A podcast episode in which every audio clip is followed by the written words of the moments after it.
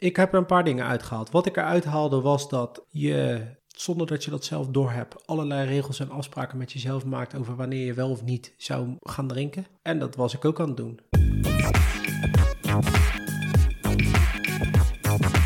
Hey, welkom. Leuk dat je luistert naar aflevering 97 van Dit is 30. 97, ja. Ja, ja we zijn er bijna. Kaya, die heeft eh, corona. ik bedoel, in 100 afleveringen drie keer corona krijgen, is een mooi gemiddelde. Het is toch wat als je je gat in je dak laat zagen om een serre te plaatsen, dat er dan ineens zo'n virus naar binnen vliegt. Ja joh, ja. Beter niet. Ja, dus, maar goed, goed dat je even een update geeft, want de dakserre zit erop. Laten we ook maar gewoon even jullie bijpraten over de verbouwing van Gaia. Nou, niet van Gaia, van Gaia's huis. Maar die dakserre zit erop, prachtig ding. Dus uh, ik ben heel benieuwd. Ik wil hem graag in het echt gaan bewonderen. Maar uh, als de coronavirusdeeltjes dan maar uh, weggevlogen zijn. Dus nee, heel vervelend. dus er wordt heel veel gehoest. Dus compleet met Tena ladies en all. Sorry, not sorry for sharing. ja, zit zij thuis. En we hadden maar besloten dat we niet samen gingen opnemen. Want ja, dan had ik wel heel erg veel hoest eruit moeten editen. Dus dat doen we niet. Dus we hebben onze sensationele sidekick bereid om weer eens in te stappen. Den huisgenoot. De huisgenoot. Hij was het toevallig toch. ja. Daar zat hij dan. Ja, tot niks te doen. Mooi. Ja, nou maar goed, normaal gesproken, hoe lig jij er normaal lig zit? Hoe hang jij er normaal gesproken bij als ik zit op te nemen met Gaia? Lig. Ja. YouTube aan, oortjes in. Vooral niet bewegen op de bank. Stel je voor dat het kraakt op de achtergrond. niet ademen. Precies. Katten bewaken dat die niet aan deuren krabbelen. Ja. Heel nuttig. Ja. Eigenlijk. Precies. Dus ja. Welkom, Sjors. Dank je. In Dit is 30. Het is al ruim een jaar geleden dat, dat ik, je uh, te gast was. Zat te blaten over uh, sport. sport. sport. Ouders langs de lijn. Langs de lijn. Ja, ik heb niks de mee gedaan in de tussentijd. Lekker is dat, hè? Ja, precies. Helemaal niks. Beetje laf fietsen en wandelen, dat is het. Ja, hoe gaat het met je? Best lekker. Hoe was je week? Spectaculair. Dat heb ik eigenlijk gedaan. Ook wel ziek. Jij was ook ziek inderdaad. Ja. Had je ook corona? Ik had zeker geen corona. Nee. Wat ik wel had, dat was onduidelijk. Ja, dat was heel raar. Echt een opvlammende koorts. Je bent echt een dag gewoon tot eilands aan toe ziek geweest. En toen ineens niet meer. Ja, mooi hoe dat verhaal loopt, hè. Want eh, vandaag kwam ik dus mijn eh den leidinggevende tegen. Ja, die vroeg ja. met mij ging. Die had me natuurlijk weggestuurd. Want eh, ja, koorts op de werkvloer, dat kan natuurlijk niet verboden. En ehm, ja, maar ik heb natuurlijk niet zoveel meegekregen dat ik zo raar liep te doen op die bank, zeg maar. Maar dat verhaal heb ik wel verkocht op mijn werk vandaag. ik zeg, nou, het was echt heftig. Ik liep de eilen, allemaal gekke geluiden, alles. Het was echt niet normaal wat me overkwam. Gelukkig heb ik weer het hele weekend mogen strijden. Eerst naar school geweest. Ja, Ik. wat heb je geleerd op school? Een nieuw eh, model met twee denkenbreinen. Denkbreinen. Ja, Wauw. systeem 1. Systeem 2, het is niet, er is geen wetenschappelijke kanjernaam aangang of zo. Het ene is snel nadenken, dus eh, reactief, van wat zie ik en dan moet ik gelijk behandelen. Dat is een beetje waar we groot zijn geworden mee, hè? dit werk. Ja, kleine context schetsen. Jij bent ambulancechauffeur.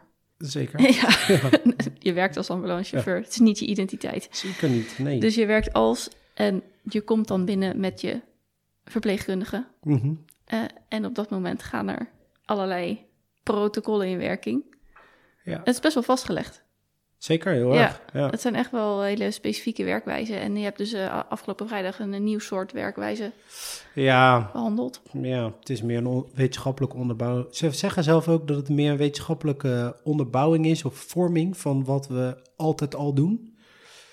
Maar dan, en dat is mijn invulling daar een beetje van, want er is niet echt eh, iets benoemd of zo.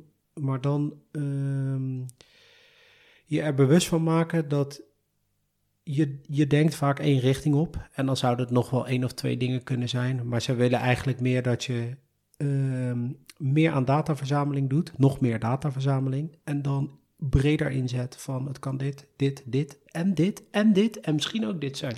Ja, dus zeg maar net als dat je in Wie is de Mol tunnelvisie krijgt. Dat wil je voorkomen. Ja, maar ja dat, ja, dat wil je voorkomen. Ja.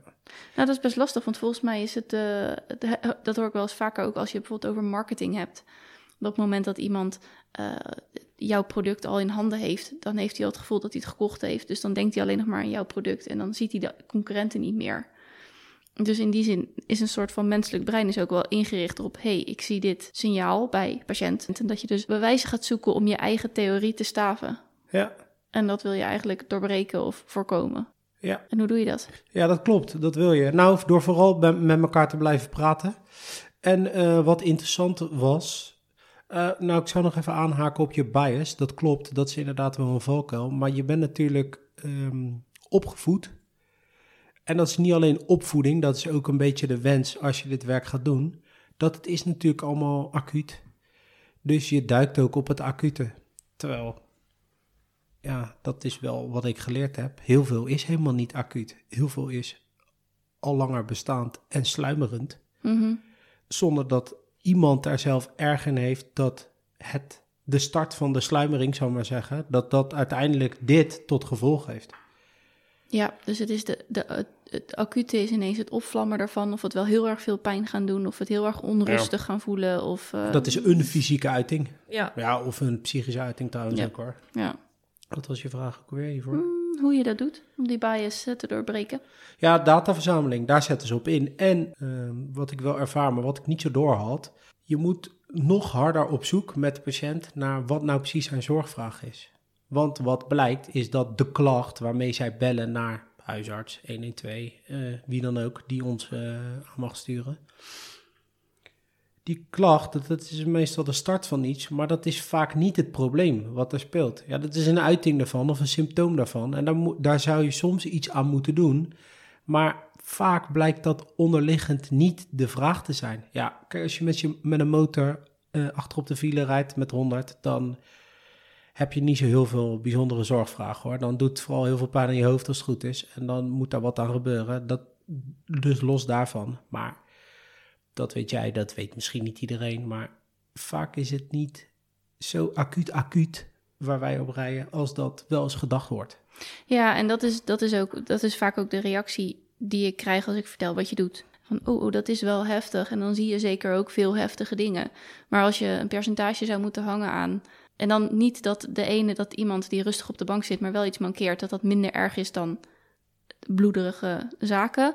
Maar hoeveel procent van de gevallen is ernstig en zoals het be- beeld gevormd is? Dus inderdaad, auto-ongelukken of steekpartijen of echt gewoon dat soort, ja, toch, toch tot de verbeelding sprekende, hoe naar dat ook is, zaken. Ehm, hoe verhoudt zich dat tot mensen die gewoon binnenshuis zich onrustig voelen of wat allemaal niet zo heel spectaculair is?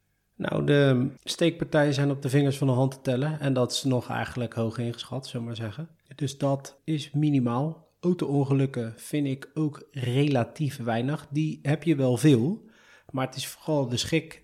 Nou, ik ga het niet bagatelliseren. Mhm, het is ja. niet vooral de schik. Maar het is ook niet zo dat er wordt natuurlijk gespiegeld van al die auto's liggen in puin. Nou, auto's kunnen best in puin liggen. Maar ja, ik, wat ik wonderbaarlijk vind, is dat hoe hard sommige ongelukken gaan, zeg maar. En mensen echt ongeschonden uit zo'n wagen stappen. Dat het al bijna normaal begint te voelen dat iemand ongeschonden een auto uitstapt. Ja, Dus dat percentage is ook niet zo hoog. Dus het percentage er gebeuren binnenshuis dingen, ja, dat is, dat is eigenlijk de hele dag mijn werk, zullen we maar zeggen. ja, Binnenshuis. Dat is waar het allemaal gebeurt. En dan vind ik nog wel dat je een, een scheiding daarin kan aanbrengen tussen ouderen die langer zelfstandig wonen en vallen of dat soort onoverkomelijkheden die zij hebben. Ja, dat gewoon gebeurt omdat je ouder wordt. En dan heb je eh, gewoon mensen die, ja, ik, als ik nu zeg het ligt allemaal aan leefstijl, ga ik te kort door de bocht. Maar Mhm. leefstijl is echt wel een, een aanleiding voor dat is een aanleiding, ja, een grote aanleiding. een acute zorgvraag op dat moment. Ja, Uiteindelijk wel, ja. ja.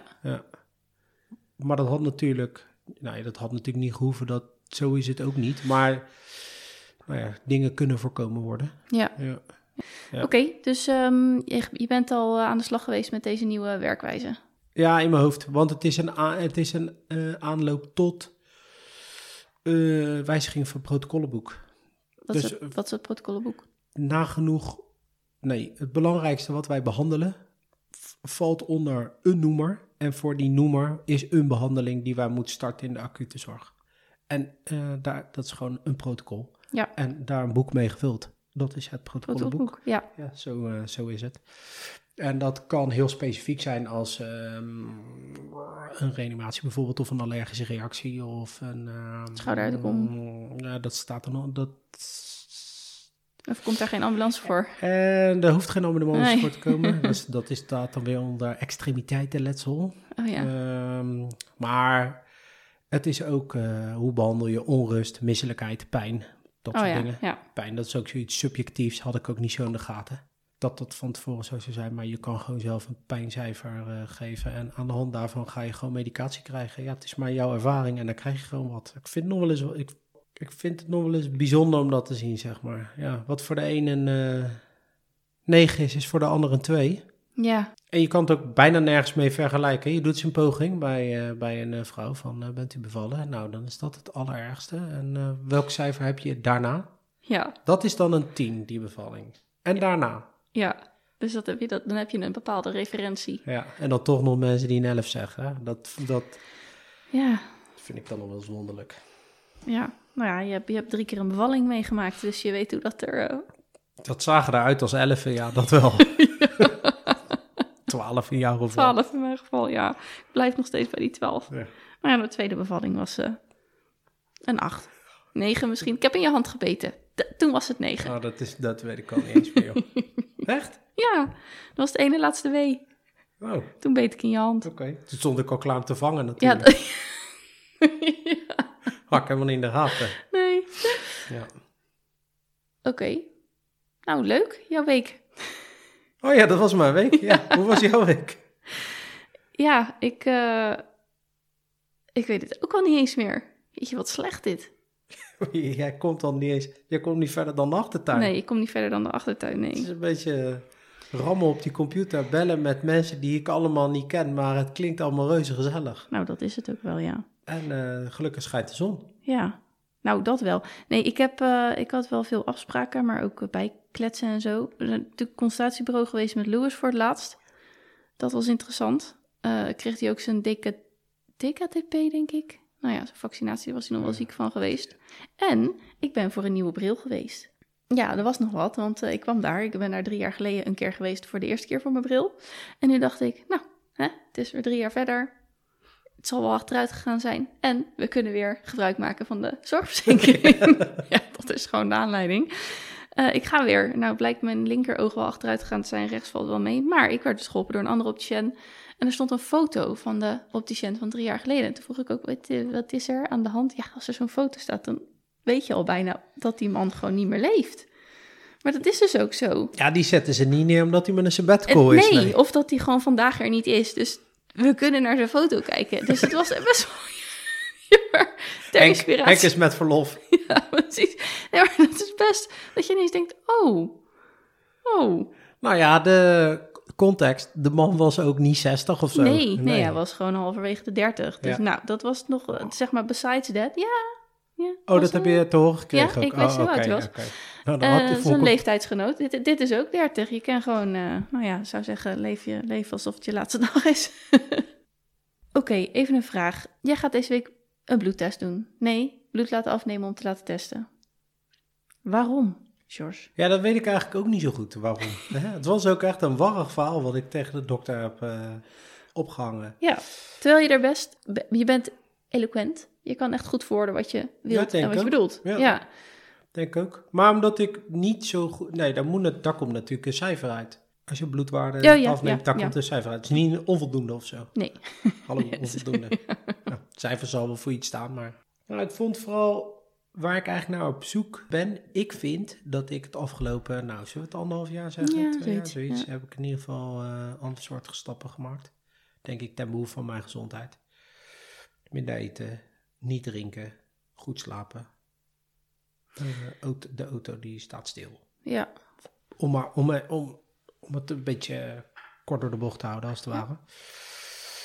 En dat is eh, veel ingegeven door eh, nou ja, boeken, informatie, podcasts, weet ik veel. Alles wat ik een beetje tot me kon nemen. En voor mezelf een samenhangend, kloppend verhaal kon maken. Van je moet niet de hele dag op je reet zitten, want dat is slecht voor je. Weet je wel, daar raak je aderen van verstopt. Nou ja, Zo snel zal het ook niet gaan als je op de bank zit, maar dat. Ja, ik dacht gewoon, ik wil dat, mom- dat moment, nu is het gewoon goed, weet je wel. 12, 13 kilo nu kwijtgeraakt, ja. dus dat helpt dan ook, hè. Dus dit, dat voelt dan wel goed. Dat zegt de weegschaal. De spiegel zegt trouwens ook dat ik... eh, hè, Ja, zeker. Ja. toch een betere maatstaf dan een weegschaal zelf.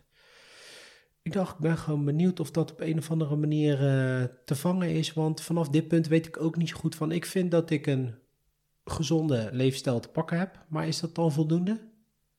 Ja, weet ik eigenlijk niet zo goed. Dus ik, hoopte eigenlijk, ik hoopte ergens, kijk wat wij ook zeiden van tevoren. Als je een huisarts hebt die enthousiast wordt van leefstijl, dan, dan zal ze hierop aanslaan. Nou, mijn huisarts sloeg aan. Maar, of die sloeg, maar die sloeg het dood. Dat was, dat was niet aanslaan. Nee, we Nee. zijn hier voor symptoombestrijding. Als je ergens last van hebt, dan moet je naartoe komen. En anders moet je lekker wegblijven. Daar kwam... eh, de, het is niet eens kort, op, kort door de bocht. Daar kwam het gewoon op neer. Nou, Niet van de preventie. Niet van de preventie. Nou ja, daar ging ze in ieder geval niks aan doen. Of, of daar had ze geen tijd voor. Nee. Daar kwam het dan op neer. Nee, dat is wel interessant, want volgens mij is het, is het eh, jij, hebt- jij bent de laatste, nou inderdaad twee, drie jaar heel veel aan het lezen. Eh, en dat was, dat heeft Gaia ook wel eens verteld, dat ze dat een interessante invalshoek vond. Dat je dus inderdaad, in plaats van dat je scrollend doorbrengt en daar dus scheidsziek van wordt, dat je denkt van ik ga dus niet scrollen, ik ga gewoon lezen. Want jij hebt ooit gezegd, ja, of ik nou doelloos scroll of ik lees doelloos door, zeg maar. Dus zelfs Ja. als een boek me niet per se pakt, dan kan ik gewoon net zo goed doorlezen, want het alternatief is scrollen op Instagram. Nou, het lang verhaal kort, je hebt bijna geen socials meer. Geen socials meer. Ja, LinkedIn. Ja, en je, je gebruikt YouTube. Dat is Ja. sort of Ja, social. ja, Ja, je hebt heel veel gelezen. En volgens mij is het vooral, en maar correct me if I'm wrong, echt gaan rollen toen je boeken las over eh, gezond oud worden. Of, of überhaupt oud worden. Ouder worden. Ja, überhaupt oud worden. Ja. Ja, dus eh, en toen heb je gewoon allerlei dingen aangepakt. Maar wat echt zichtbaar werd, ook voor anderen, is op het moment dat jij stopte met drinken. Ja. Ja, en dat is nou langer, dat is ja, langer dan een jaar geleden. Een maand of veertien. ja, begin januari stopte ik. ja, Van 2021. ja. Want wat was daar, eh, je hebt een boek gelezen, De Geest uit de Fles. Ja. Wat was de grootste takeaway daaruit? Of één van de grootste? Ik heb er een paar dingen uitgehaald. Wat ik eruit haalde was dat je, zonder dat je dat zelf doorhebt, allerlei regels en afspraken met jezelf maakt over wanneer je wel of niet zou gaan drinken. En dat was ik ook aan het doen. Dat begint met een afspraak die misschien hout snijdt. Als ik om 12 uur s'avonds thuis kom van werk, ga ik niet drinken, maar ga ik naar bed toe. Maar dat betekent dus, als je een dag niet om 12 uur thuis komt van je werk, dat je dus Een drankje neemt. een drankje neemt. Ja. Ja. En ik kwam heel vaak niet thuis om 12 uur van werk. En dat is dan niet, maar dan ga je vervolgens zeggen, ja, twee kan. Maar ja, twee wat? Nou ja, dat kan dan in eh, tw- twee bakeltjes, dat kan. Maar wat voor soort glazen? Dat, van een longdrinkglas werd het een vaas, bij wijze van spreken. Dus de regels, dat was dan een, die je dan met jezelf afspreekt. Haalde ik eruit, dacht ik, ja, daar heb ik ook last van. En eigenlijk, dat vond ik nog het, dat motiveerde me eigenlijk nog het meest, terwijl dat helemaal niet zo eh, goed vast te pakken was, was dat er gezegd werd, stop nou gewoon en kijk dan wat er gebeurt. Heel goed als je dry January hebt, weet je wel, zo één Ja, maand ja. niet drinken. Heel goed. Maar zeg gewoon stop. Zeg niet, ik ben gestopt. Zeg ook niet wanneer je wel gaat beginnen. Doe het en kijk wat er gebeurt. Dus toen dacht ik van, oké, dat is wel iets wat ik kan doen. Ik vond trouwens ook irritant toen de tijd, vlak daarvoor, dat ik ook één avondje doorgezakt was. Nou, daar herstelde ik echt matig van. en je weet dat als je ouder wordt, van dat het niet zo snel gaat als dat je 18 bent. Maar dit viel echt tegen. Dit was echt, dit was echt lang pijnlijk Dat was dit. naar. Zo, dat was, ja. Ehm, dus dat heb ik gedaan. En eigenlijk, dat heb ik denk ik niet zo hardop uitgesproken tegen jou. Was mijn eerste gedachte is, Peter, dan kan, kan er gewoon wat eh, gewicht vanaf. Mhm. Oh ja. Wat eh, wil je context schetsen? Ik was 100, 102 kilo, zoiets. Ja. Ja. Bij 1,40 meter. Nee, nee, nee. 1,85 meter. Dat dacht ik eigenlijk, van dat wordt dan mijn bijvangst. En dat ging echt, de eerste maand ging dat best lekker. Maar dat stagneerde heel snel. Maar wat ik echt bizar vond, was hoe significant mijn slaap beter, kwalitatief beter werd. Ja. Er werd er echt, ik werd niet meer iedere nacht wakker. wat anders dan gewoon gebeurt. Dan word je gewoon twee of drie keer wakker, slaap je gewoon slecht. Ja, alcohol slaat dus gelijk een cafeïne. Dat had ik ooit wel eens gehoord, maar dat stop je natuurlijk vakkundig weg als je een drankje doet. Je bakootje inschenkt. Ja. Ja, ik drink ook wel eens avonds koffie, dus dan moet dit toch ook kunnen. Ja. Ja, dat is nog eens dubbelop, bako. ja, inderdaad. Met cola. Met die cola, ja. Dus begin gewoon. En mijn slaap werd er beter van. Mijn gewicht vond ik, stag, vond ik snel... Dat vond ik snel niet zoveel doen. Vond ik ook niet zo erg. Nee. Weet je nog iets anders wat ik eruit gehaald heb gelijk? Nee, eigenlijk niet zo. Nee, ik heb dat boek later ook gelezen, omdat ik ook wilde weten waar jij mee bezig was of wat jou, wat jou bezig hield. En wat ik eruit haalde was dat het vaak, nou ja, zij omschreef dat zij, zij was ook een hele, het, het gaat ook om het hele sociale drinken. Het wordt er, in het hele boek wordt er ook niet per se gesproken over zwaar alcoholisme of weet ik het wat. En dan, ja, wat is zwaar? Maar goed, om eventjes eh, een, een beeld te schetsen. En, Ik, ik vond zij, de schrijfster, trok het ook heel erg in het sociale context. Ja. Want haar, wat zij pijnlijk vond... Oh, dat herkende ik misschien nog wel. Wat zij pijnlijk vond, was dat haar, haar sociale omgeving... althans in ieder geval waar zij veel plezier uit haalde... ja, dat viel weg. Omdat mensen al een veroordeling hadden of niet... Ja, niet, nou, ze, vonden, ze voelden een bepaald ongemak. ja, Want wat zij vertelde is, en dat, dat wou ik inderdaad, want dat, dat is bij mij ook heel erg blijven hangen. Nou, ten eerste is bij mij blijven hangen dat alcohol eh, gewoon ook één glas is, slecht, is echt slecht voor je. Het is gewoon een bepaald gif eigenlijk wat je tot je neemt. En de, je lijf moet elke keer aan de slag. Het is niet dat, dat, dat het pas na drie of vier glazen giftig wordt of slecht wordt. Nee, het is net als als je, één, als je een sigaret gaat roken, is dat ook. Het is niet dat je pas na vijf sigaretten slechte nicotine in je longen krijgt. Nee, dat is bij je eerste eh, haal al. En dat is, geldt ook voor alcohol. Dat vond ik een interessante eh, invalshoek. En inderdaad, het sociale eh, component, dat zij dus op een gegeven moment... Kijk, eerst is het dan nog wel grappig. Van, weet ik veel, ik weet niet hoe ze heten. ik ook niet meer. Geen idee. Eh, whatever. Eh, eh, Gerda, die drinkt niet meer. Eerst was het dan, dan nog een grappig en een dingetje. En op een gegeven moment dri- drinkt ze echt niet meer. En dan, ah joh, één drankje. En dan, de mensen weten niet zo goed hoe ze daar dan mee om moeten gaan. Omdat het ze, ze ook confronteert met hun eigen drankgebruik. Terwijl zij zei, ik zei daar niets over. Ik veroordeelde het niet. Ik ging het gesprek niet aan met mensen. Het was gewoon mijn experiment. En dat beviel me prima. Dus ik ging daar gewoon mee door. Maar dat, dat, dat ging helemaal iets doen in zo'n groep. Natuurlijk vast niet met iedereen, maar echt wel met een significant aantal mensen. Vond ik dus ook interessant om te lezen. Maar heb jij dat ook ervaren? Ehm, in mindere mate, maar dat heeft er ook mee te maken dat de tijd waarin ik stopte was lockdown-tijd. Ja, dat is zo. En, en zij vergeleek het ook met, eh, nou, eh, zij, zij ging drie avonden niet drinken en dan vier avonden wel. En van die vier avonden waren er ook twee dat ze ook daadwerkelijk niet thuis dronken, maar in de kroeg dronken. En dan was er ook karaoke bij of weet ik veel wat, zo'n beeldschetsen zijn. Ja, ja. Nou, dat beeld, dat had ik niet. En dat het hele eh, sporten was ook voor mij, althans sporten in teamverband, dat was ook voor mij gestopt. Dat is natuurlijk, dat, is, dat was mijn eh, sociale context, denk ik. Van Ja. eh, twee avonden in de week trainen, wedstrijd. Nou, die wedstrijd moet een katje komen. Zo. Dus ik denk dat als dat misschien nog er was geweest, dat dat had kunnen zijn. Maar Ja. zij schetste heel sterk inderdaad dat mensen betrokken het op zichzelf. Jij stopt met drinken, ik, ik stop met drinken, Ja. maar jij trekt het je aan dat jij blijft drinken. En dat moet je dan uiten met een of andere zijkopmerking naar mij toe. Oh, lekker gezellig. Ja, Oh, eentje kan toch wel? Weet je wel, dat. Ja. Dat was het beeld inderdaad wat ze schetsen. Ja. Had ik niet zoveel last van hoor. nee. Had ik me ook wel tegen gewapend. Daar ben ik er wel van overtuigd. Maar dat, ik snapte wel eh, welke kant dat op ging. En ik, nee, ik, ik heb daar geen last van gehad. Maar Nee. ik kan me voorstellen dat het wel vaak terugkomt. Ja, maar jij stopte met drinken, dat eh, ben je nog steeds mee, eh, mee gestopt. En daarna ben je een beetje zoekende geweest, denk ik. En toen ben ik op een gegeven moment begonnen met intermittent fasting. Ja, dat denk ja. En dat ging eh, relatief soepel. Daar had ik geen boek over gelezen. Zag ik gewoon jou als voorbeeld. Ja. Dacht ik van, oh, dit werkt blijkbaar. Waarom doe ik dit niet? En toen vielen wel dingen, zeg maar, een beetje op zijn plek. Want ik was al eens 13 jaar geleden gestopt met roken. Ik denk langer al, of niet? Ja, 24.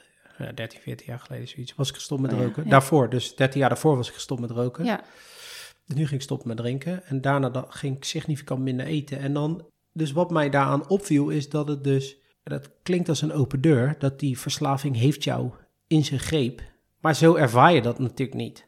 Je ervaart gewoon dat jij een sigaret rookt of een drankje drinkt of eh, iedere avond vanaf 8 tot 10 toch zes dingen in je mond stopt. Want het is maar één brokje chocola. Maar ja, dat is natuurlijk maar één brokje. En op een gegeven moment is het maar één zak chips. Maar het is maar... Het is allemaal maar beperkt. Maar Het is ook heel veel gedrag. ja, het is, nou, dat is alleen maar gedrag. En dat gedrag is gewoon te doorbreken. Dat, is, dat kan ingewikkeld zijn. Maar dat gedrag is gewoon te doorbreken door het niet te doen. Ja, En dat, dat klinkt, ik weet dat dat eh, belerend of makkelijk kan klinken, maar dat is het echt. Doe het gewoon niet. En het is niet moeilijk om van, weet ik veel, die tien drankjes in de week daar. ik weet niet precies hoe ik dit wou zeggen, maar als je zegt je moet niet zoveel drinken, dat is, dat snap je, dat je niet zoveel moet drinken. Maar het begint met er één niet te drinken of er één niet te roken en daarna gewoon te stoppen en niet meer door te gaan. Dat viel echt op zijn plek voor mij toen. En dat was met eten precies hetzelfde. Van je, je, je wordt ook, nou dat was echt geconditioneerd. Er moet een goed ontbijt zitten, want anders kom je de dag niet door. ja. Nou, nee. Nee. Er hoeft helemaal geen goed ontbijt in te zitten om de dag door te komen. Sterker nog, wat is een goed ontbijt? Zo geweldig zijn die boterhammen niet voor je. Wij schijnen ook een bizarre hoeveelheid boterhammen te eten ten opzichte van de rest van de wereld. Wat ook een dat weet, dat, jij hebt natuurlijk je nieuws hebt niet geopend van de week, maar Nee. gaat het probleem worden, want het gaan, wat we daarvoor nodig hebben, komt uit Rusland en Oekraïne. Dus de broden worden twee keer zo duur. Dus dan weet je alvast dat we zo meteen voor een goudmijn aan brood in de vriezer hebben Ja, liggen. precies, inderdaad. We hadden trouwens van de week nog uitgerekend hoeveel broden er doorheen gaan. Dat waren, er waren er zes. En dan zijn we een gemiddelde gezin met drie, eh kind, tweeënhalf kinderen. Ja, dan is de puber nog recalcitrant. Ja. Oh, ik neem niks mee hoor. Ja. Ja. Ja, nee, dus, eh, dus de volgende stap was inderdaad de intermittent fasting. En wat ik daar heel interessant aan vond toen ik dat ging doen, is om, toen merkte ik dus, want ik ben, ik, eh, heb- ik heb niet gerookt. Ik heb wel eens gerookt, maar dat was echt, ik wou zeggen decoratief. Maar misschien was het ook wel decoratief. maar dat, dat was echt gewoon, eh, op een gegeven moment gingen we, ik, eh, ik, dat deed ik af en toe. Op een gegeven moment gingen we zelf rijden naar de discotheek om uit te gaan, zeg maar. En als ik dan reed, dan dronk ik niet, maar dan rookte ik. Nou, hoe, weet je wel. Dus uh, Dus in plaats van drinken ging je roken? ja, ja, ja. want toen mocht je natuurlijk nog in, in, in, Ja, in, de club, mocht je gewoon roken. dus er stond daar zo'n automaat. Fotoplay. maar dat haatte ik. Ja, maar dat stond daar wel. Ja, dat stond er ook. Ja, daar hing jij altijd rond. Raar dat ik je nooit heb gezien daar. Maar goed, anyway. Ehm, mijn punt. Ja, dus ik heb nooit gerookt. Ik heb ook nooit heel veel gedronken. Tuurlijk ben ik ook wel eens lam geweest of zo. Maar ik was ook minder van het... Ja, was wel... eh, weet je, ik het eh, een paar avonden in de week even een whiskietje... of inderdaad een bakootje. En ja, vond ik ook wel eens lekker. Maar... Dus dat, dat, dat stoppen was voor mij, is voor mij nooit zo'n groot issue geweest. Eten kan ik wel. En eh, suiker vooral. Suiker is echt mijn ding. Ehm, maar ik, vond, ik vind het ook weet je, wel, moeilijk om dan het hongergevoel te hebben. En dan ben ik dan een beetje bang voor. Dus ik had ook altijd wat in mijn tas zitten. Weet je wel, voor het geval ik het lilletje zou krijgen, zoals mijn moeder zou zeggen. Ehm, maar dat is ook maar, dat is een soort van gewenning. En dat was voor mij heel fijn om te merken met het intermittent fasting. Dat je dus niet meer vastzit of rekening hoeft te houden met. Of ja, als je een hongergevoel krijgt, oké, ja, oké, over tien minuten is het weer over. Ik heb daar geen last van, omdat ik op een andere manier energie verwerk. Ik weet niet of dat echt zo gaat, of dat dat mentaal is, of misschien wel beide. Maar dat vond ik vooral heel fijn. En wat voor mij goed werkt is, ben eh, best gezegend met een goede, ja, een goed, goed lijf, handige genen, goede metabolisme. Ik weet het niet zo heel goed wat dat precies is, maar, maar goed, ook bij mij uiteindelijk, halverwege de 30, of nou, ik denk wel ietsje eerder, begon het te komen dat ik ook niet meer alles kon eten wat ik wilde op elk moment en door de hele week. Dus langzaam, langzaam, langzaam ging ik. Ik was echt zo het gevaar van een kilo per jaar, zeg maar. Weet je wel, dat? En dat is met het intermittent fasting helemaal weg. Ik ben weeg nog minder dan voor dat ik zwanger werd van Louis, denk ik. En dat is heel geleidelijk gegaan. Maar het fijne daar eh, aan is, aan dit, aan dit gebeuren, is dat ik dus... Wat ik dus heel goed kan handelen, is dat ik alles mag eten. Dus ik hoef niet mijn chocola, hè, mijn verslaving, suikerverslaving, chocola, koek eh, en taart en zo... hoef ik niet mezelf van te ontzeggen. Eh, het zegt niet helemaal goed, maar dat hoef ik mezelf niet te ontzeggen... als ik het maar binnen die acht uur houd. hou. Niet, ik besef ook wel dat dat niet per se de allergezondste en beste manier is. Maar ik weet in ieder geval dat Ik kan gewoon, ik kan beginnen met eten, boterham of havermout of wat ik dan ook maak. Broodjes, ik zit nu weer allemaal kaaskoons te bakken en zo. En dan weet ik dat ik gewoon ook een eh, reepje, een, hoe noem je dat? Een paar blokjes chocola kan nemen. En dan op een gegeven moment na het avondeten is dat klaar. Dus als ik mijn chocolade fix heb gehad, of nou nu is het chocola, maar weet ik het, over een paar weken is het weer koek of, of cake of whatever. Als ik die fix binnen die acht uur heb gehad, dan heb ik er verder ook geen last meer van. Kan je na acht uur jankend naar bed toe? Ja, precies. Ja. Nee joh, maar dan ben ik helemaal gelukkig. Dus Ja. dat, daardoor is het voor mij dus heel goed vol te houden. En ja, op een gegeven moment eh, zie ik ook wel voor me dat ik een, een volgende stap ga zetten. Maar ik weet nu even niet hoe. Maar goed. Nee, maar, maar ik vind ook niet echt wat die volgende stap is. Want dan krijg je weer een soort van oneenigheid van de een zegt eh, plant-based en de ander zegt eh er moet iets van vis bij zitten. En dan Ja. is het weer eh, rood vlees tot de max. Ja, en de ander zegt weer rood vlees is echt super kut. Ja, Ja. ja, dat vind ik ook lastig. En ik denk dat dat ook wel voor, dat zou voor onze lichamen ook wel anders zijn.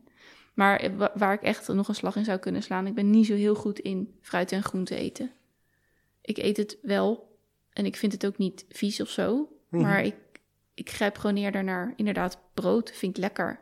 Of ja. eh cracker of eh, koek of chocola. ja precies. Dat. Dus ja, patat. Oh, patat. Oh, mm, I want. Oké, nee, maar dus je hebt intermittent fasting. Dat is nu ook wel een beetje uitgespeeld eigenlijk. En je volgende stap is dus, ja, even, dan maar naar de huisarts om te kijken. Ja, wat is je volgende stap? Ja, nou ja, dat, dat, ik hoopte eigenlijk dat ze een soort van zou aanhaken op mijn vraag. Nou, dat gebeurde totaal niet. Dat was ook prima, want ik heb nog eens eh, als een helikopter boven mijn eigen vraag gehangen. Mhm. Nou, dat was ook een eh, totale crash was dat. Oké, nou, de, de, de, ja, precies. De vraag had, eh, soms is het, kwaliteit van het antwoord hangt af van de kwaliteit van Ze- vraag. nou, in dit geval zeker. Dat eh, kon ik ook niet kwalijk nemen. Maar ze begon dus over een eh, cardiovasculaire check. En ik denk dat ze dat normaal gesproken meer doen als begin van eh, mensen die ouder zijn.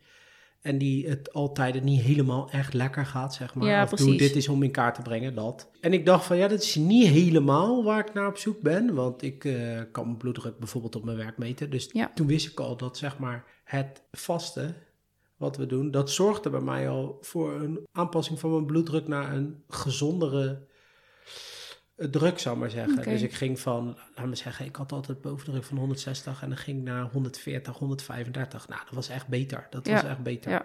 Dus dat hielp wel. Dus ik, Ja, daar en het ik- vasten, maar da- daardoor viel je gewoon nog weer 8 kilo af. ja.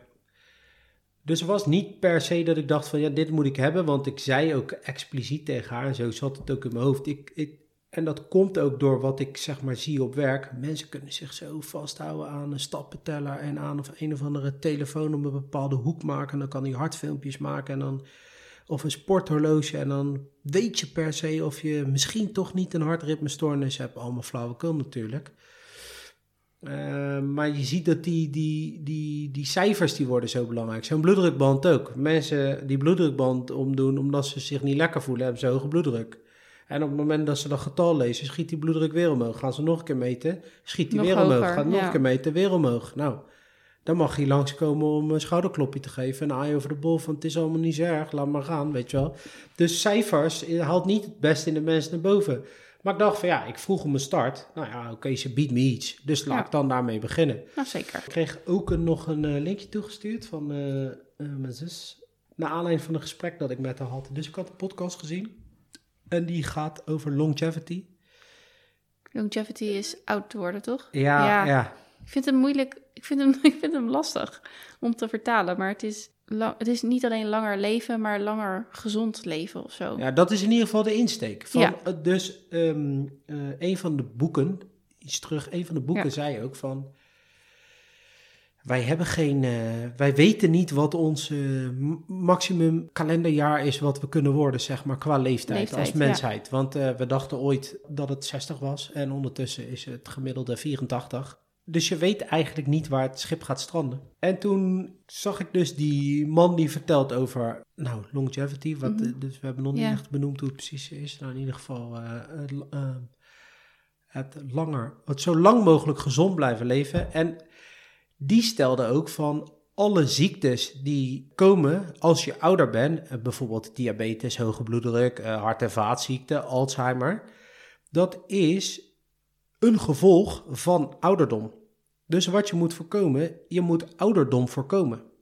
Nou, dat heeft hij zelf ingepakt met bijvoorbeeld eh, vasten. En hij zegt qua sport, wat aangetoond is, is maar zeg maar een soort van cardio, een cardiootje van 10 minuten Ja. Per week. Dat is genoeg. Eén keer 10 minuten per week bijvoorbeeld even eh, jumping jacks doen of even een stukje rennen. Dat is eigenlijk al voldoende in een groter geheel. Hè? Ja, ja, precies. Een marathons rennen, dat is niet per se eh, gezond. Die man, die is ook bezig daarnaast, want die is gewoon wetenschapper in Harvard of zoiets. Heeft hij iets ontwikkeld dat je op een gegeven moment een swapje van de binnenkant van je wang af kan laten nemen? Daarmee gaat hij je biologische leeftijd berekenen. Z- zijn eigen leeftijd is 53, biologisch 34, zoiets. Mhm, Zijn mhm. vader 70, biologisch 58. Ja. Maar daar hebben ze dus ook een Nederlandse variant van. Dus die werd mij van de week toegestuurd.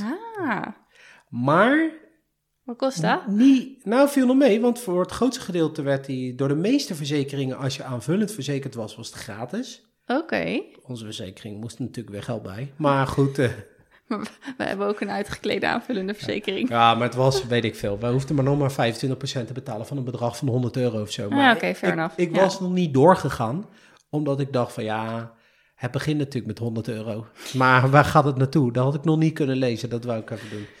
Was ook trouwens geen swapje, zat ook iets van een, eh, eh, een vingerprikje om Oh ja, glucose en dat soort cholesterol en dat soort dingen te meten. Maar waar gaan we naartoe? Waar gaan we naartoe? Eh, dat je dan nu die bloedtest gaat doen? Die bloedtest gaan doen. Misschien ga ik dat dan ook nog doen. Wat kwam ook van de week, kwam, vroeg iemand aan mij.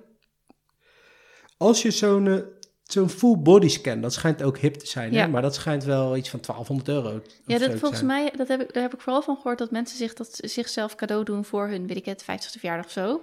Ja, Ja, nou precies, dat verhaal ken ik ook. En ik ken dat verhaal ook van iemand die ik zelf totaal niet ken, maar ik zat, was, zat eens een keer daarnaast bij Ja. hem. En eh, daar kwam dus een aneurysma uit, uit die full body scan. wat is een aneurysma? Dat is een eh, verzwakte plek op een van je, van een van je eh, ja, Belangrijke aderen. belangrijke aderen, zeg Ja. maar. Dus dat kan op ieder moment kan dat, zou dat kunnen scheuren. Nou, met een bloeding tot gevolg. Ja, daar word je ook niet vrolijk van natuurlijk. Maar de vraag was dus aan mij, zou je nou zo'n bodyscan ook doen? Ja, Ja, en je bent geneigd om te zeggen, althans, ik heb de neiging om gelijk te zeggen, ja, uiteraard, als het gratis is, dan ga ik wel in die tank liggen en eh, maak maar een foto. Maar als er nou iets uitkomt dat je oh jeetje. toren ja. krijgt dat je nog maar een half jaar te leven hebt. God, ja, Had je dat dan willen weten? eh, tumor op je prostaat zien Nou of ja, zo. bijvoorbeeld ja. Zo, dat is, dat, die vraag had ik totaal niet verwacht. Maar ja, jezus, ja. Ja, nou, ik, ik kwam er ook niet uit. Nee, kijk, eh, dat je de, de, cho- cholesterolletje zeggen we, oké. Ja. Dat- hm. Ja, wat doe je dan? Ja, Ja, wat doe je dan? Maar ik denk wel, als er een aneurysma uitkomt, of dat, dat er in ieder geval uh, sluimerend zit, want die heeft zich, ga ik vanuit, gewoon aan laten verhelpen en eh, het leven gaat Oei, weer door. Ja, Of je doet aanpassingen. Ja, Nou, dat is natuurlijk toch wel plezierig. ja. Maar ja, ja, Hmm, ja. je moet niet altijd alles willen weten. Dat, Dat helpt ook niet waar. altijd hoor. Nee. Soms moet je ook maar gewoon een beetje, eh, ik zou niet zeggen oogklep op en rennen, zo is het ook niet. Maar je moet af en toe ook gewoon doorgaan. ja. Je kan ook niet alles uitsluiten in je leven. En als je maar in een hoekje gaat zitten eh, als een of andere hypochonder, nou, die kom ik ook wel eens tegen. Die, Ja. kunnen, die kunnen heel het internet spellen. Je zegt toch ook wel eens dat, dat je dat dan soms hoort hoe iemand over zijn Je klachten gewoon, praat. je hoort ze voorlezen. Ja. je hoort ze voorlezen. Ja. Ja, dat, dat heeft natuurlijk weer allerlei andere dingen als oorzaak. Je wordt niet zomaar hypochonder. Nee. nee, we hebben ook wel eens gevraagd, heb je dan ook onder de P van psychiatrie gekeken? Maar dat helpt vaak niet echt in de, op het moment. Nee, maar dus eh, wat, ik, wat ik in ieder geval nog interessant vond, is dat je inderdaad, we hadden het er van tevoren al over, van eh, je hebt natuurlijk zoveel verschillende huisartsen. En de ene zal best wel geïnteresseerd zijn in preventie. Kijk, wij hebben dezelfde huisarts. Ik kwam op een gegeven moment, dat heb ik denk ik ook in de podcast verteld, vast. Want ik vertel alles. Toen was ik met een vraag gegaan en ik had echt, ik had een vraag over aanbijen. Ik had een vraag over eh, de, de, de, de, de status van mijn nou, vagina eigenlijk, want het was de gang richting de baarmoedermond. En ik had een vraag over incontinentie. Dus ik zei, ik heb echt over de onderkant. Kon- Precies, het concentreerde zich wel op één plek. Zeker, op, in ieder geval op 10 vierkante centimeter zo Ja, ja, ja, ongeveer. precies. En daar ging zij wel heel erg op aan. Ja, Ja, toen kwam, oh, nou ja, ik heb, ze had dus ook inderdaad een jaar gynaecologie gedaan. En eh, nou ja, dus hè, het, het had zomaar gekund dat ze ook heel erg op preventie zat of op leefstijl. Maar dat moet je ook dus maar net, ja, tussen aanhalingstekens treffen. Want eh het, niks te nadelen van de kwaliteit van onze huisarts. Maar dit is natuurlijk een persoonlijke voorkeur ook, of een interesse. En een huisarts aan zich is een generalist. Dus nou ja er, ja, er zullen vast ook huisartsen zijn die wel, die misschien iets minder met gynaecologie hebben. nou ja, en het helpt misschien ook dat ik van tevoren aan... Ik kom voor heel anders, dus ik kan het van tevoren ook aan, aankondigen. Weet ik veel wat voor zeikvragen ze daarvoor heeft gehad. Of zeikvragen, misschien hele ingewikkelde vragen. Die ze daarvoor heeft gehad. Ja, Dan helpt het ook niet als iemand zit te hakkelen en te stotteren tegenover nee, nee, dus, dat, ehm, dus da- daar hangt het natuurlijk ook nog vanaf. Maar ja, ik ben wel heel benieuwd wat eruit komt en wat de volgende stappen gaan zijn. Maar we zijn een beetje zoekende, denk ik. Want hoe Ja, zeker, zijn? ja. ja, Hoort een beetje bij leeftijd, heb ik ook het idee. Toch? dit is 30. Dit is 30. ik heb nu geen idee meer. Nee. Twee dingen die eigenlijk ook nog wel werkgerelateerd zijn voor je. Volgens mij stuurde jij naar zowel Gaia en mij iets door over reanimatiepoppen met borsten. Ja, Ja, want jij hebt regelmatig reanimatieles en les gehad. Is Ja. dat altijd op een, dat is op het torso, denk ik? Of is nee, dat er ligt wel een hele pop. Oké, maar wel altijd borstloos. Borstloos, ja. Ja. ja. En nu hebben Voor ze... de rest ook onzijdig, want zit, verder is ook geen, er zit ook geen haar op bijvoorbeeld. Nee, maar Het, is, eh, het is natuurlijk niet echt representatief voor de helft van de mensen. Maar heb jij zelf eigenlijk moeite met op het moment dat je Nee, daar iets aan moet doen? Ik, ik weet niet of je het stukje kan eh, lezen wat er staat, want er stond iets bij dat er stond iets bij over dat het bij vrouwen moeilijker zou zijn om te beginnen of iets in die trant. Ja, het blijkt dat leken vrouwen niet goed durven reanime- reanimeren vanwege fragiliteit van het vrouwenlichaam en aanwezigheid van borsten. Reanimatiepoppen zijn mannelijk en dit is de standaard waar in praktijkcursus op geoefend wordt. En nou ja, het verhaal inderdaad ook dat bij vrouwen de symptomen van een hartinfarct eh, anders kunnen zijn dan bij mannen. Omstanders denken minder snel dat het om hartproblemen gaat en denken bij een hartstilstand dat de vrouw flauw valt. Ehm, dus wat ze nu inderdaad hebben ontwikkeld is een, eh, een pop, een reanimatiepop. Ja, is dat een pop? Ja, met, met Nee, borsten volgens- om daaraan te wennen. Ja, want volgens mij heeft zij niet een pop met eh, borst ontwikkeld, maar zij heeft gewoon een opzetstuk à la een BH heeft ze ontwikkeld die je op iedere reanimatiepop erop kan zetten. nou dat is wat ze gedaan inderdaad. heeft. Ja. Ja. En dat is prima, want dan kan je het gewoon oefenen op, op meerdere manieren. ja, inderdaad. Maar het gaat niet Ja. het gaat om herkennen van, hè? Dus er staat niet dat mensen angst zouden hebben om een vrouw te reanimeren, maar het gaat dat ze. Nee, het is en herkennen, maar ook nou, leken durven vrouwen Ja. niet goed te reanimeren vanwege fragi- fragiliteit van het vrouwenlichaam en aanwezigheid van borsten. Maar heb jij daar ook last van? Nee, Heb jij daar Nee. nooit last van gehad? nee, maar dat, dat, dat, nee. Maar je, je komt ook voor een reanimatie. Dus dan ga je ook gewoon Ja. beginnen. Nee, maar je ziet natuurlijk heel veel ontblote bovenlijven. Mhm. Ook als ze niet gereanimeerd hoeven te worden. Om allerlei stickers of apparatuur, eh, om de apparatuur aan te sluiten met allerlei stickers. Dus het zien van een onbloot bovenlijf, dat is echt, ja, dat is echt 80% Ja, van de tijd. Dus ja, dan heb ik daar geen, eh, nee, ik heb daar geen moeite mee. Dus of ze nou in de stoel zitten of op de grond liggen, een ontbloot bovenlijf blijft een ontbloot bovenlijf. Nee, ik heb daar geen moeite mee. Ik, ik, ik vond het logisch dat ze het deden. Het is natuurlijk weer, ja, als je het leest denk je, ja, ik heb inderdaad nog nooit een andere pop gezien. Ze presenteren het als een onzijdige pop, ja. maar dat, dat ja, Dat is net zo onzijdig als de Crash Dummy, die ja ook op de dat is gewoon een of andere eh, Ken zonder kapsel app. Gewoon, het, eh, gewoon strak torso eh, heeft hij. Cat zonder kapsel. Ja, maar- hij is kaal. Hij is maar- kaal, ja. Daar heb ik inderdaad ook wel eens wat over gelezen. Dat als je dikke mensen hebt, dat dat. Ik weet niet of dat dan specifiek over reanimeren ging, maar het ging toen de tijd over het zetten van die vaccinaties. Dat als je een dik persoon hebt, dat je andere naalden nodig hebt, of misschien een langere naald, om op de juiste plek in de spier, Spier, te komen. ja. Ja. maar dat zou natuurlijk ook kunnen gelden voor dit soort zaken en reanimaties. Of heb je daar geen. Denk je dat dat niet zo is? Of merk jij daar geen. Hey, ik, merk, ik merk er geen verschil van. Het, nee, hoe eh, kleiner de persoon, en dan be- bedoel ik natuurlijk een kind, hoe, Ja. dat, dat maakt het Ja, ingewikkeld. precies. Ja. Kijk, een persoon die eh, vol van gewicht is, dat maakt het voor het apparaat. Want wij hebben een apparaat die neemt de thoraxcompressies, de borstcompressies, neemt die van ons over als wij dat op de juiste wijze aanleggen. En daar zit wel een maximum aan qua omvang van de persoon. Ja, niet eens qua gewicht, maar dat, Ja. dat, dat apparaat kan maar, heeft maar een bepaalde spanwijdte. Ja. Ja. en als je dikker bent dan dat, ja, dan, dan, en jouw borst komt verder omhoog ook, dan kan die zuig...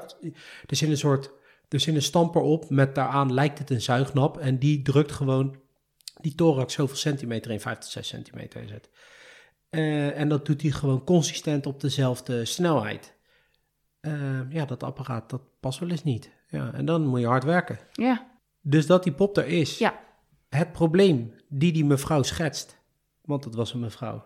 Dat probleem her- herken ik niet zo. nee. Daar wordt ook geschetst dat het bij vrouwen lastig is om een reanimatie te kennen. Hartstilstand. Of, hart. of sorry, ja, dat iemand dat daar een reanimatie zou moeten plaatsvinden om dat te herkennen. Mijn ervaring is, maar dat is geheel subjectief op mij natuurlijk, dat staat niet voor iedere collega van mij, maar mijn ervaring is dat dat niet geslachtafhankelijk is van het herkennen van of er gereanimeerd moet worden ja of nee. Ook bij mannen vinden ze het dan lastig om te herkennen. En ik denk dan, ehm, nu hardop, en dan vraag ik me af, is het niet herkennen of is het niet willen herkennen? Ja, Als jij nog ook- nooit, ja. van je leeftijd, eh, nog nooit van je leven gereanimeerd hebt en je moet gaan beginnen, ja, eh, waar hebben we het wel eens over gehad? Vluchten, vriezen of eh, Ja, vechten? ja. Ja, er zijn mensen die, ga, die, die kunnen dat gewoon niet. Nee, en ik moet ook zeggen dat ik weet nog heel goed toen ik mijn eerste, voor de eerste keer een reanimatie zag. En dat was met jou, want we waren op het strand. We waren volgens mij bij Kijkduin en toen waren we daarboven op de boulevard wat aan het eten. En op het strand, of was het in, ik weet het niet Nee, waar. ja, ja, ja. maar op het strand werd iemand gereanimeerd. Dus ik zag dat uit de verte.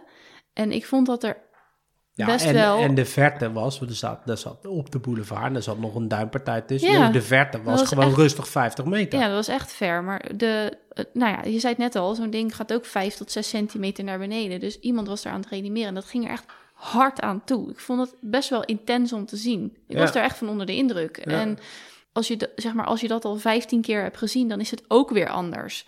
Maar eh, jij zegt altijd eigenlijk, tussen, jij hebt tegen mij altijd gezegd, iemand valt, iemand reageert niet. Begin maar gewoon, want op het moment dat het niet nodig is, dan worden ze wakker en dan zeggen ze, zie jij nou? Weet je wel? Ja, dus, dus eigenlijk, zo wordt het ook wel eh, verteld, als iemand het bewustzijn verliest, Ja. niet meer reageren op aanspreken, schudden, en daarbij een eh, afwijkende ademhaling heeft, Oh een, ja. ho- een Ja. hoorbare, eh, niet normale ademhaling, gewoon beginnen. Ja, Gewoon beginnen. Maar, want beginnen kan je, je, beginnen kan gewoon gelijk, stoppen kan altijd nog. Maar als je er eerst drie minuten omheen gaat lopen om te kijken van moet ik beginnen, dat zijn drie hele kostbare minuten. ja. ja, en 112 of de mensen, de centralisten achter 112, die helpen je daar ook bij. Die helpen je er Die ook bij. coachen je daar Ja, doorheen. ja. Dus, ehm, hey, en nog, nog één vraag, denk ik. Even kijken. Ja, ik kan nog wel even vragen. Wat ik ook nog... eh, ik zat net door onze agenda te scrollen. En jij hebt aankomende week een, een, een overleg met je werk. Want binnen elke ambulance dienst, denk ik, heb je ook andere rollen die je kan aannemen. Maar je bent laatst begonnen bij... Het je bent ondersteuning voor collega's die wat meemaken. Ja. Kun je daar beter uitleggen dan dat ik dat doe? De, de, eh, de afkorting is TCO, Team Collegiale Ondersteuning. Dus Ja. eigenlijk zat je al, Yes. eh, was je vrij accuraat.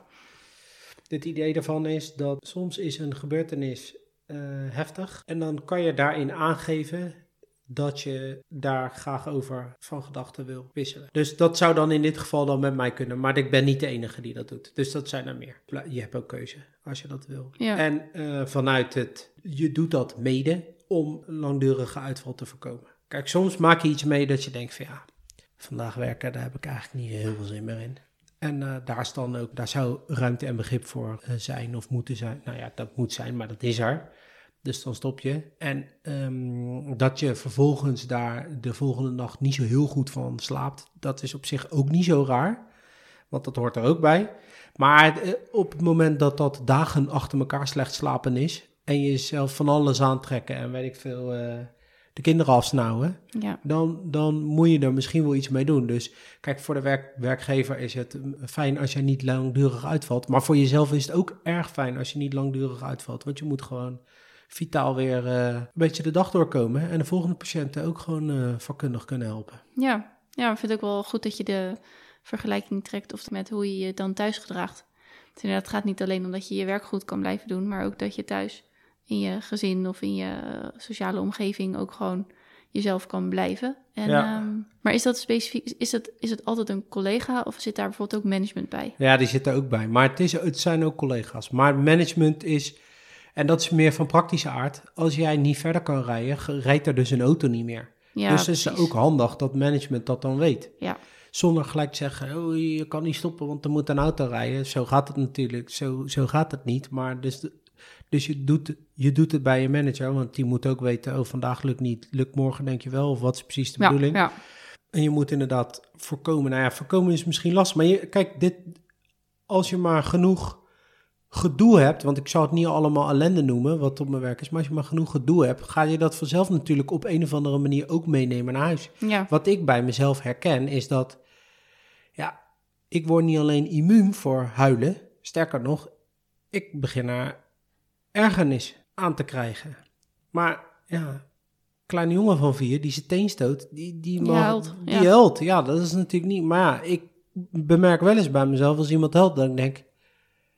Ga huilen. Wat lost dat op? Ja, Ja. dat lost natuurlijk helemaal niks op. Maar dat is ook niet helemaal de intentie van huilen om iets op te lossen. Maar ik was al niet zo'n fan van huilen. Maar daar heeft dit werk echt niet, daar heeft echt niet aan bijgedragen, zeg maar. Dat, is, dat wordt natuurlijk alleen maar erger. Nou ja, en dan gaat het nu over huilen. En ik herken het bij mezelf. En ik kan er dus ook wat aan doen. En volgens mij ga ik daar ook gewoon op een normale manier mee om met ja die kinderen. want ik vind het, eh, wat bij jij zegt, dit is voor mij nou, best wel nieuwe informatie. Nou, eigenlijk wel nieuwe informatie. Ja. Dus ik merk niet aan jou dat je het huilen van kinderen eh tussen aanhalingstekens afstraft. Omdat je daar je sneller aan ergert dan vroeger. Nee, merk ik niet. Nee. Maar goed, het is iets wat je herkent. Ja, dit is nog een Ja. relatief onschuldig voorbeeld van eh, over huilen. En inderdaad, de kinderen, dat snap ik dan allemaal wel. Maar dat, ja, dat kan natuurlijk verder gaan Ja. dan dat. Ja, dan moet je gewoon, ja, dan moet je gewoon niet willen. Ja, dus moet je ook, ja, dan moet je en op begrip hopen van je omgeving. Van, eh, nou, die zitten niet lekker in, laat hem maar met rust. Of hij gaat even naar boven. Ja, je moet er ook wel over praten af en toe. Dat helpt dan ook wel. Ja, Ja. krijg jij dan ook een opleiding daarvoor? Of Ja. een eh, cursus? Ja, Ja. ja. die krijg ik ook. Maar hoe die inhoudelijk eruit ziet, dat is, twee dagen, dat is drie dagen. Maar hoe die er inhoudelijk uitziet, dat heb ik niet te horen gekregen nog. Nou ja, wat ik al, wat ik wel, het is een van die boeken die ik dan gelezen heb. Mag, mag ik u geen advies geven? Dat vind ik echt wel, dat, dat vond ik ook echt een, een eh verhelderend boek daarin hoor. ja. Waar, waarin gewoon staat, luister en hoor wat iemand zegt. Maar probeer ook concreet tot, eh, want het is enigszins ook wel, het is ook een managementboek. Ze zeggen van, je kan het in allerlei, op allerlei facetten kan toepassen. Zo ervaar ik dat ook wel hoor, dat dat kan. Of althans, zo heb ik dat ook gelezen. Maar het belangrijkste daarvan is dat je concreet maakt wat het probleem is. En er blijkt gewoon uit dat dat niet, dat, dat heb je niet in één keer, heb je dat niet Helder. helder. Nee. Dus dat maak je dan ook kenbaar. Van we gaan, is dit jouw probleem? En dan, ja, ja, ja, dat weten we niet. Gaan we doorpraten? Is dit dan je probleem? En zo kom je uiteindelijk tot echt een probleemstelling. Want dan is degene die het probleem ervaart ook het meest gemotiveerd om er wat aan te doen. Nou ja, dat vond ik een verhelderend boek eh, daarin. Dus ik denk dat zoiets gaat terugkomen in die eh, cursus. Luisteren, maar ik neem aan dat er ook allerlei andere soorten gesprekstechnieken of herkenningen, herkenningsmomenten zijn. Rode vlaggen. Ja. Volgende week is het, dus eh, Als Kaya nog ziek is, podcast 99 kan ik er van alles over vertellen. ik ga hem afsluiten, tenzij jij nog een vraag aan mij hebt. Ik heb nog wel, eh, ik heb nog wel één vraag voor jou. Want het is, dat is, jij hebt gezegd van, oh, dat zou ik eens met Gaia gaan bespreken dan. Dat, zo gaat het hier al naar huis van, Mhm. eh, ik heb een probleem, ik bespreek niet met jou, ik wacht wat tot volgende week maandag, want dan eh, zullen we het even bespreken. Toen heeft voor mij onbekende collega's, geen idee wie, eh, geen idee wie het waren, uit, de, uit de andere gemeente, maar die hebben een aanrijding gehad. En dat was een vrij lelijke aanrijding, want dan moest de voorkant die was ingevouwen en dan moest geknipt en gedaan. En, collega's van jouw ambulance collega's hadden... Ambulancecollega's in het land, die hadden een aanrijding. Ja. Die waren van de zijkant in de flank aangereden. Ja, En toen zeg jij van ik ga dat, met, ik ga dat bespreken, want, want dat doet wat met mij. Maar je hebt niet tegen mij gezegd wat het met jou doet. nee. Ik moet even terug naar het moment. Ja, nee, ik... ehm, dit, dat jij dit werk doet en de manier waar- waarop jij er, hoe jij ermee omgaat, waarop je erover praat. Het is voor mij al zo'n stuk normaler geworden dat ik, ja, ik, als jij hier de deur uitgaat, heb ik echt niet een ander gevoel dan als jij naar je Rabobank kantoorbaan ging. In het begin was dat anders. In het begin vond ik het feit dat je nachtdiensten... Ja, was weg met nachtdiensten, vond ik ook echt lastiger. En nu slaap ik het allerbest als je nachtdienst hebt. Juichend komt het nieuwe rooster uit. Heerlijk, weer Vloekend en drie tieren dat die honden mij vier nachten hebben gegeven. Ja, en Ja. ik denk alleen maar, oh, heerlijk. Nee, dat is, nou, ik vind het minder erg dan eerst. Uiteindelijk, eh, ja, je, je, om, omdat er ook niks gebeurt en omdat je er op een bepaalde manier over praat en omdat ook de, ja, als je het meemaakt en als je dit hoort, dan is ook de, de glans is het niet, maar de, van zo'n baan is er ook wel een beetje vanaf, omdat je ook de andere kant meemaakt en omdat je ook gewoon wel eens dagen hebt waarin er mensen zeker zorg nodig hebben, maar het is allemaal niet heel spannend. Die had ik nog wel kunnen verzorgen. Hè? Maar dat zegt niks over dat die mensen zich in paniek raken of wat dan ook. Maar het allemaal, soep wordt niet zo heet gegeten. Ja. Niet zo vaak heel heet gegeten. Ja. En dan, Heel goed, want we hebben nog geen eh, gezegde uh, verbasterd vandaag. de soep wordt niet zo vaak gegeten. de soep wordt niet zo zwaar ingeschonken. Ja. Precies. Eh, dus nee, die soep. En dan komt er zo'n bericht en ik zie dat. En nou ja, mensen zijn ook weer afgevoerd naar het ziekenhuis. En dan denk ik van ja, toch is het zo dat je op het moment dat jij A1 moet rijden... met alle toeters en bellen en met snelheid, is toch gevaarlijk?